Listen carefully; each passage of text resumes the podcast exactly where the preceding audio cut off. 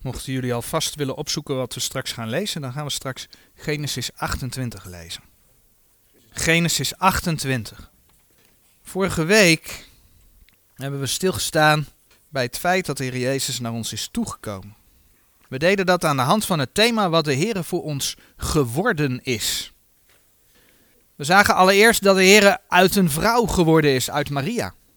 Maar hij was ook uit de Heilige Geest. We zagen hoe het woord vlees geworden is. Hoe Jezus Christus God geopenbaard in het vlees was. We zagen in de schepping hoe de Heere God dat ook mogelijk had gemaakt. We zagen hoe daardoor de profetieën uit het Oude Testament uit zijn gekomen. De Heer Jezus was uit het zaad Davids geworden. En daarmee is hij de mensen, is hij zijn broeders gelijk geworden. En we hebben gezien wat voor een weg van vernedering dat dat voor hem was. De weg tot aan het kruis. Tot aan het kruis waaraan hij God een vloek was geworden. Zodat wij, ja, wij rechtvaardigheid Gods konden worden. Heeft hij allemaal voor ons gedaan. En uiteindelijk is hij onze hoge priester geworden. God kan met ons medelijden. Hij is de eersteling in de opstanding geworden. En waarmee ook wij de belofte hebben dat we mogen uitzien naar de opstanding. Dat we mogen uitzien dat we een opstandingslichaam krijgen. Hij is onze verlossing. Hij is onze heiligmaking. Hij is onze rechtvaardigheid. Hij is onze wijsheid van God. Dat alles heeft de Heer voor ons mogelijk gemaakt. En wat een genade dat we daaraan deel mogen hebben. En vanmorgen willen we dan naar een ander onderwerp kijken dat daar wel mee te maken heeft. Namelijk Jezus Christus, de ladder tussen God en mensen. En misschien zeg je, wat klinkt dat vreemd? Jezus Christus, de ladder. Maar het is het woord van God zelf dat die vergelijking maakt. En dan willen we allereerst dus zometeen een stukje uit Genesis 28 gaan lezen. Dan gaan we lezen over Jacob. Jacob die net het eerstgeboortezegen van Esau afgepakt heeft. Dat lees je in Genesis 27, vers 41. En Jacob die net zijn vader bedrogen heeft. En Esau is daar heel boos over en die wil Jacob eigenlijk doden. Dat lees je in Genesis 27, vers 41. En wanneer Rebecca die woorden opvangt, dan uh, ja, wil ze Jacob maar op de vlucht sturen. En dan gaat Jacob naar Haran, ook met als reden om daar dan een, een vrouw te zoeken. Dat kun je dan lezen in Genesis 27, vers 43 en Genesis 28, vers 1 en 2. Maar we gaan lezen vanaf vers 10. Genesis 28 vanaf vers 10. Jacob dan toog uit van Ber Berseba en ging naar Haran. En hij geraakte op een plaats waar hij vernachtte, want de zon was ondergegaan en hij nam van de stenen die er plaats en maakte zijn hoofd peluw en legde zich te slapen te diezelfde plaats. En hij droomde en zie een ladder was gesteld op de aarde, welke opperstaande hemel raakte en zie de engelen gods klommen daarbij op en neder. En zie, de Heere stond op dezelfde en zeide, ik ben de Heere, de God van uw vader Abraham en de God van Isaac. Dit land waarop gij ligt te slapen, zal ik u geven en uw zaad. En uw zaad zal wezen als het stof der aarde. En gij zult uitbreken in menigte, westwaarts en oostwaarts en noordwaarts en zuidwaarts. En in u en in uw zaad zullen alle geslachten des aardbodems gezegend worden. En zie, ik ben met u en ik zal u behoeden overal waar gij heen trekken zult. En ik zal u wederbrengen in ditzelfde land. Want ik zal u niet verlaten, totdat ik zal gedaan hebben hetgeen ik tot u gesproken heb. Toen nu Jacob van zijn slaap ontwaakte, zeide hij, gewisselijk is de Heere aan deze plaats, en ik heb het niet geweten. En hij vreesde en zeide, hoe vreselijk is deze plaats? Dit is niet dan een huis gods, en dit is de poort des hemels. Toen stond Jacob des morgens vroeg op en hij nam die steen, die hij tot zijn hoofdpeluw gelegd had, en zette hem tot een opgericht teken en goot daar olie bovenop. En hij noemde de naam derzelfde plaats Bethel, daar toch de naam die er stad tevoren was Lus. En Jacob beloofde een gelofte, zeggende, wanneer God met mij geweest zal zijn, en mij behoed zal hebben op deze weg, die ik reis, en mij gegeven zal hebben brood om te eten en klederen om aan te trekken. En ik ten huize mijns vaders in vrede zal wedergekeerd zijn, zo zal de Heere mij tot een God zijn. En deze steen, die ik tot een opgericht teken gezet heb, zal een huis Gods wezen. En alles wat gij mij geven zult, daarvan zal ik u voorzeker de tiende geven. We lazen in dit gedeelte dus de versen 12 en 13. Die wil ik nog een keertje lezen. En hij droomde en zie, een ladder was gesteld op de aarde, welker opperstaande hemel raakte. En zie, de engelen gods klommen daarbij op en neder. En zie, de Heere stond op dezelfde en zeide, ik ben de Heere, de God van uw vader Abraham en de God van Isaac. Dit land waarop gij ligt te slapen zal ik u geven en uw zaad. Dus Jacob die net zijn broer bestolen had, die net zijn vader bedrogen had, die krijgt op deze manier een zegen van de Heere God. En de Heere belooft hem bescherming. Maar ook dat hij eenmaal zal terugkomen in het land. Vers 15. Sterker nog, de Heere toont hem een open weg naar de hemel. De Heere God is hem nabij. Jacob had die zegen en die belofte helemaal niet verdiend. En toch krijgt hij beide van de Heere. Maar waar doet je dat aan denken? De Heere laat zien dat wij mensen allemaal zondaren zijn. De Heer zegt in Romeinen 3, vers 12, eh, en de tekst die staat hier op het scherm: Alle zijn zij afgeweken, tezamen zijn zij onnut geworden. Er is niemand die goed doet. Er is ook niet tot één toe. En toch mag je door genade het eeuwige leven ontvangen in Jezus Christus. Je hebt het eigenlijk niet verdiend. En toch krijg je het allemaal door Hem aangeboden. Een hele bekende tekst, Romeinen 6, vers 23. Ik ga hem toch lezen. Romeinen 6, vers 23. Want de bezoldiging der zonde is de dood. Maar de genadegift, een cadeau van God, en je hoeft er niks voor te doen. Het is genade. De genadegift Gods is het eeuwige leven door Jezus Christus onze Heer. En wat zien we dan in het Nieuwe Testament? De Heer Jezus laat zien dat Hij zelf die ladder is. Die ladder tot God. En daarmee is die, de ladder die Jacob te zien krijgt, is een type, is is een afschaduwing van wat de Heer Jezus gedaan heeft, wat de Heer Jezus doet en wat de Heer Jezus zal doen. We kunnen dat vinden in Johannes 1. Nadat Johannes de Doper in Johannes 1 vers 34 getuigt dat Jezus Christus de Zoon van God is, zien we in het vervolg dat de eerste mensen tot de Heer Jezus geleid worden. In vers, vanaf vers 41 tot en met het eerste deel van vers 43 lezen we bijvoorbeeld. Andreas, de broeder van Simon Petrus, was een van de twee die het van Johannes gehoord hadden en hem gevolgd waren. Deze vond eerst zijn broeder Simon en zeide tot hem: Wij hebben gevonden de Messias, het welk is overgezet zijnde de Christus. En hij leidde hem tot Jezus. En hij leidde hem tot Jezus. En zo lezen we van vers 44 tot vers 52 hoe Filippus Nathanael bij de Heer Jezus brengt.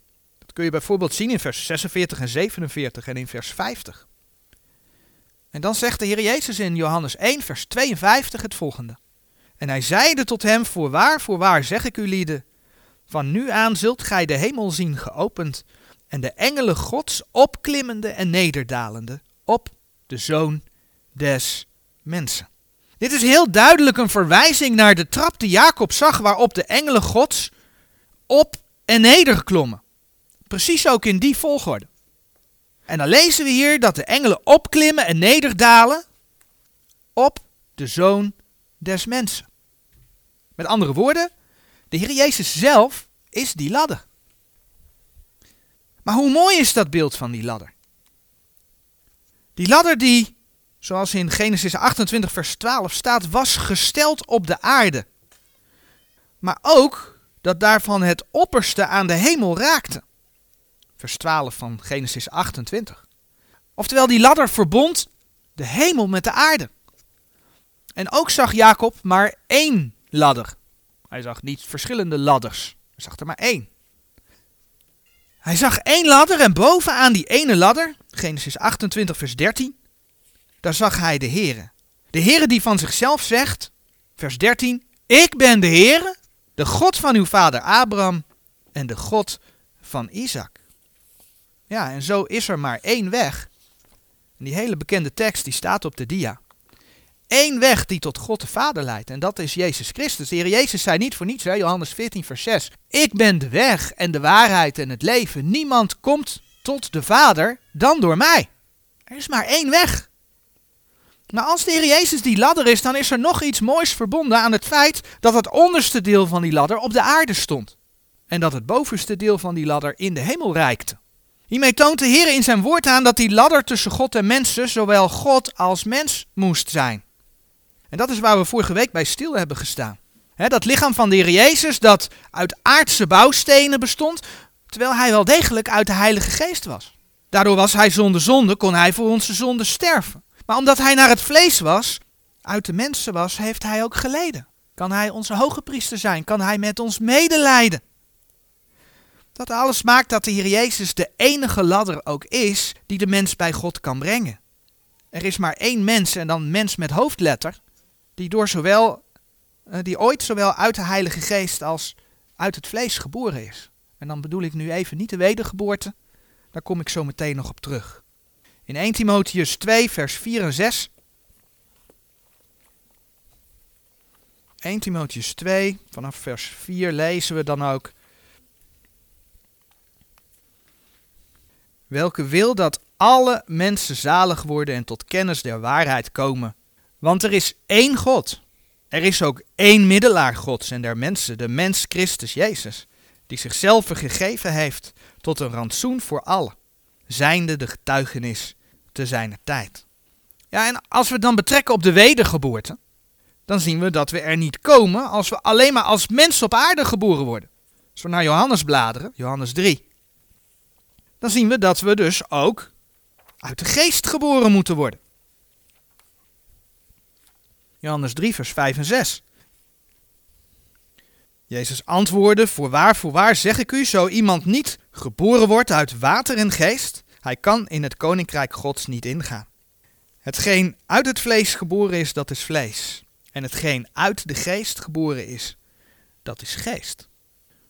We hebben daar natuurlijk vaker bij stilgestaan, maar een mens moet na zijn natuurlijke geboorte dus opnieuw geboren worden. Uit de geest. En alleen dan kan die mens het eeuwige leven krijgen. Maar dat wordt eigenlijk in die ladder ook verbeeld. Het onderste staat op de aarde, maar het opperste staat in de hemel. Het is aards, maar ook hemels, geestelijk. Uit onszelf hebben we het niet. Maar daarom is de Heer Jezus naar ons toegekomen. Hij wil mensen die ladder naar de hemel in zichzelf aanbieden. Maar als er maar één ladder is, dan betekent het dus dat wij zelf geen ladder kunnen zijn. Als kind van God kunnen wij geen ladder zijn. Maar je kunt mensen wel op de ladder wijzen. Je kunt ze de weg naar die ladder toewijzen. En dat is dan de verantwoording die bij ons ligt. Om mensen inderdaad op die ladder te wijzen. Zoals wij geen ladder, geen middelaar kunnen zijn tussen God en mensen. Zo kon bijvoorbeeld Maria geen middelares zijn. de Rooms-Katholieke Kerk beweert dus dat Maria ten hemel opgevaren is omdat zij de moeder God zou zijn. Maar Maria was net zo zondig als wij.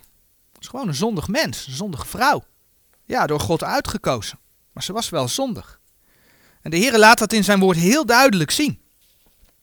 Maria moest overeenkomstig de wet een offer brengen voor haar reiniging. Als we eerst in de wet gaan lezen, Leviticus 12, vers 8. Dan lezen we een stukje uit de wet van de reiniging van de kraamvrouwen. En dan lezen we in vers 8 van Leviticus 12.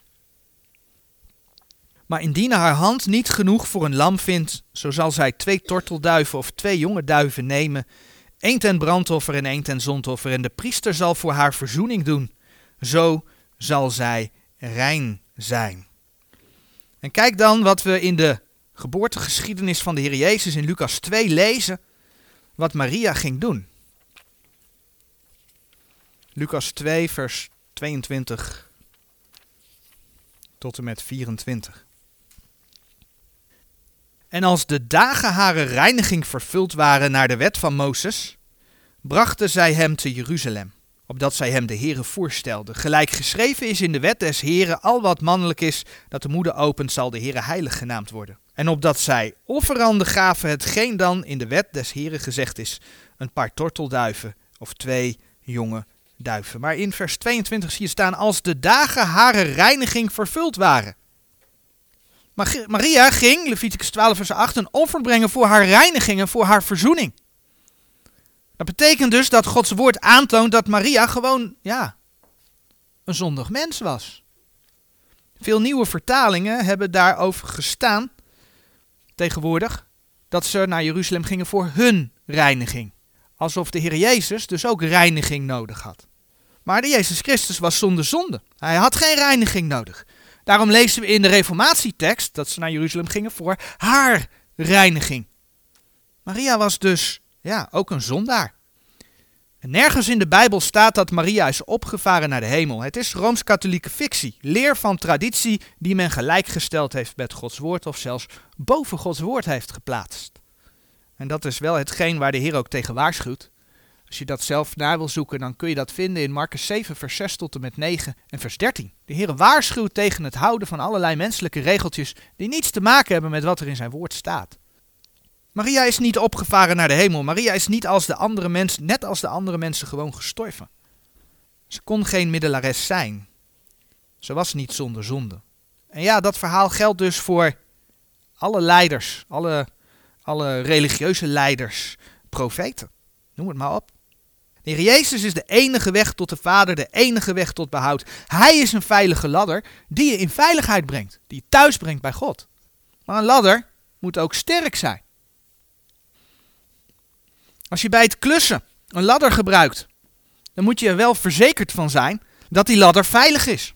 Als je een ladder tegen een huis aanzet en een van de sporten bovenaan zit niet vast, die zit los, nou dan kun je behoorlijk je evenwicht verliezen en vallen. Je kunt lelijk terechtkomen. Ik ken het verhaal van een collega die iets soortgelijks heeft meegemaakt. Echt van de ladder ook gevallen. En uh, die is daar een behoorlijk tijdje mee, is allemaal goed gekomen, maar wel een behoorlijk tijdje mee zoet geweest. Het mooie is dat de Heer Jezus ons niet alleen op een veilige plek brengt, niet alleen veilig thuis brengt, maar dat Hij ook onderweg een veilige ladder is. Als je je vertrouwen in de Heer Jezus hebt gesteld, als je Hem als je persoonlijke verlosser hebt aangenomen, ja, dan is je ziel in alle situaties veilig. En de Heer Jezus, en we gaan wat teksten in de profeten opzoeken, die wordt ook niet voor niks de rots genoemd. Jezaja 26 vers 4 bijvoorbeeld. In Jesaja 26 vers 4, daar lezen we, Vertrouwt op de Heere tot in der eeuwigheid, want in de Heere Heere is een eeuwige rotssteen. En een profetie waar het heel duidelijk betrekking heeft op de Heer Jezus zelf, is bijvoorbeeld Jesaja 28 vers 16. In Jesaja 28 vers 16, daar lezen we, Daarom alzo zegt de Heere Heere, zie ik leg een grondsteen in Sion, een beproefde steen, een kostelijke hoeksteen, die wel vast gegrondvest is. Wie gelooft, die zal niet haasten. En ja, het Nieuwe Testament laat heel duidelijk zien dat dat profetisch over de Heer Jezus gaat. Als we bijvoorbeeld 1 Petrus 2 erbij pakken. 1 Petrus 2 vers 2 tot en met 6. Dan lezen we daar het volgende. En als nieuwgeboren kinderkus zijt zeer begeerig naar de redelijke onvervalste melk, opdat gij door dezelfde moogt opwassen. Indien gij anders gesmaakt hebt dat de Heere goede tierenheid, goede tieren is. Tot welke komende als tot een levende steen, van de mensen wel verworpen, maar bij God uitverkoren en dierbaar. Zo wordt gij ook zelf als levende stenen gebouwd tot een geestelijk huis, tot een heilig priesterdom, om geestelijke offeranden op te offeren die Goden aangenaam zijn door Jezus Christus. Daarom is ook vervat in de schrift. Zie ik leg in Sion een uiterste hoeksteen, die uitverkoren en dierbaar is. En die in hem gelooft zal niet beschaamd worden. Dus die rots, die steen, de Heer Jezus Christus is dierbaar. Dierbaar voor degenen die hem lief hebben. Hij is beproefd. Hij is kostbaar. Hij is een vast fundament. En als je in hem gelooft, lazen we het ook, dan zul je niet beschaamd worden. Allemaal ja, mooie beloftes. Maar tegelijkertijd is die steen voor anderen, 1 Petrus 2 vers 7, een hoofd des hoeks, een steen des aanstoots en een rots der ergernis. En dat is een feit voor mensen die, 1 Petrus 2 vers 8, zich stoten aan het woord. Ongehoorzaam zijnde, waartoe zij ook gezet zijn. En ja, als je dan bijvoorbeeld Matthäus 21, vers 44 erbij pakt, dan zie je dat die steen, dat de Heer Jezus, ja, dat ook mensen verplettert, vermorzelt. Het staat geschreven. Dat is wat er gaat gebeuren. Dat is eigenlijk wat er nu al gebeurt. Mensen die zich stoten aan het woord, die worden verpletterd. Aan de hand van Matthäus 21, vers 44. En uiteindelijk zal de Heer Jezus terugkomen en afrekenen met zijn vijanden. Daar zit dat vermorzelen in. Maar hoe mooi is dat je daar als kind van God niet bang voor hoeft te zijn. Als je die ladder gevonden hebt, dan is hij voor jou die rots. Die maakt dat je niet beschaamd uit zult komen. Heb je het moeilijk, ook in deze tijd met alles wat er gebeurt, hoe moeilijk ook, schuil bij hem. Hij wil je dragen en leiden. En je zult veilig bij vader thuiskomen. En natuurlijk gaat die profetie over die kostelijke, beproefde hoeksteen gaat nog verder. En dat kan je brengen bij Daniel 2, vers 35, 44 en 45. Dat gaat over de toekomst van het koninkrijk. Daniel 2 beschrijft al die koninkrijken die komen en uiteindelijk wordt er een steen, en dat zijn dan aardse koninkrijken, wordt er een steen zonder handen afgehouden en die vermaalt al die koninkrijken. En die steen groeit dan uit en vervult de hele aarde. Dat lees je in die versen in Daniel. En dat koninkrijk, zegt de Heer, zal in eeuwigheid bestaan. De Heer bevestigt dat dat gewis is, dat het zeker is, dat de uitlegging daarvan zeker is. Zijn toekomst gaat komen. Alles wat leiders vandaag de dag bedenken, hè, je hoort tegenwoordig ook steeds vaker over een zogenaamde Great Reset praten. Alles wat ze bedenken, het gaat uiteindelijk teniet. Want God zal zijn plan doorvoeren. Zijn koninkrijk gaat komen. Zo is het gewoon. Nog een punt dat weer te maken heeft met die ladder dat tot in de hemel reikt. vanaf de aarde tot aan de hemel. Het is een grote uitgestrekte ladder. Een ladder die niet halverwege ophoudt of halverwege afbreekt. Of wat dan ook. We zagen al dat de ladder, de Heer Jezus, de enige is die de mens bij de Vader kan brengen. En dit punt versterkt dat. Alle andere ladders, pogingen van mensen om het goddelijke te bereiken, die starten op de aarde. En die komen niet in de hemel. Laten we nogmaals Genesis 28, vers 12 lezen. En hij droomde, en zie een ladder was gesteld op de aarde, welkers opperste aan de hemel raakte, en zie de engelen gods klommen daarbij op en neder. We lezen dus dat van de ladder dat hij was gesteld op de aarde. Dat geeft aan dat de ladder geplaatst is vanuit het gezichtspunt van de Heer.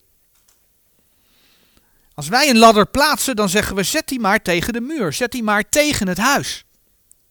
Maar er staat niet dat de ladder tegen of in de hemel geplaatst is. Nee, hij was gesteld op de aarde. Hij was gezet op de aarde en vervolgens raakte het aan de hemel. En bovenaan die ladder was dan de Heere, Genesis 28, vers 13. De Heere stond op dezelfde. Dus de Heere heeft zichzelf geopenbaard aan de mensen. Hij heeft de mensen de gelegenheid gegeven om daardoor met hem in contact te komen. En niet andersom. En ja, we vinden in de Bijbel een poging om het wel andersom te doen. En dat was bij de torenbouw van Babel. In Genesis 11 vinden we dat. Genesis 11, vers 4. Daar lezen we. En zij zeiden, kom aan, laat ons voor ons een stad bouwen om een toren, uh, en een toren, welks opperste in de hemel zij. En laat ons een naam voor ons maken, opdat wij niet misschien over de ganse aarde verstrooid worden. Dat was een poging in ongehoorzaamheid aan Gods woord. Allereerst hadden de mensen de opdracht gekregen om zich over de aarde te verspreiden. Dat kun je in Genesis 9 lezen. Maar de mensen vertrouwen niet op God. En ze bouwen hun eigen toren om, om elkaar niet kwijt te raken. Ze gaan zelf iets bouwen. Waar ze dan hun geloof in gaan stellen. En we weten hoe God daar een stokje voor gestoken heeft. En de talen verwarden. Genesis 11, vers 7 en 8. De mensen vertrouwden niet op God. En dat is dus mislukt. Door het toedoen van de Heer. En zo zien we dat waar de mens buiten Gods geopenbaarde willen om, buiten zijn woord om, buiten zijn aangereikte ladder om, dus buiten zijn zoon om, probeert het goddelijke te bereiken, dat dat gewoon mislukt.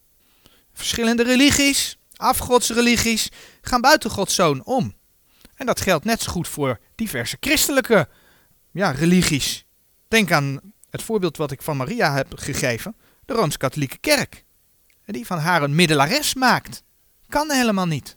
Dat geldt voor menselijke filosofieën, dat geldt voor wetenschappelijke pogingen om het eeuwige leven te bereiken.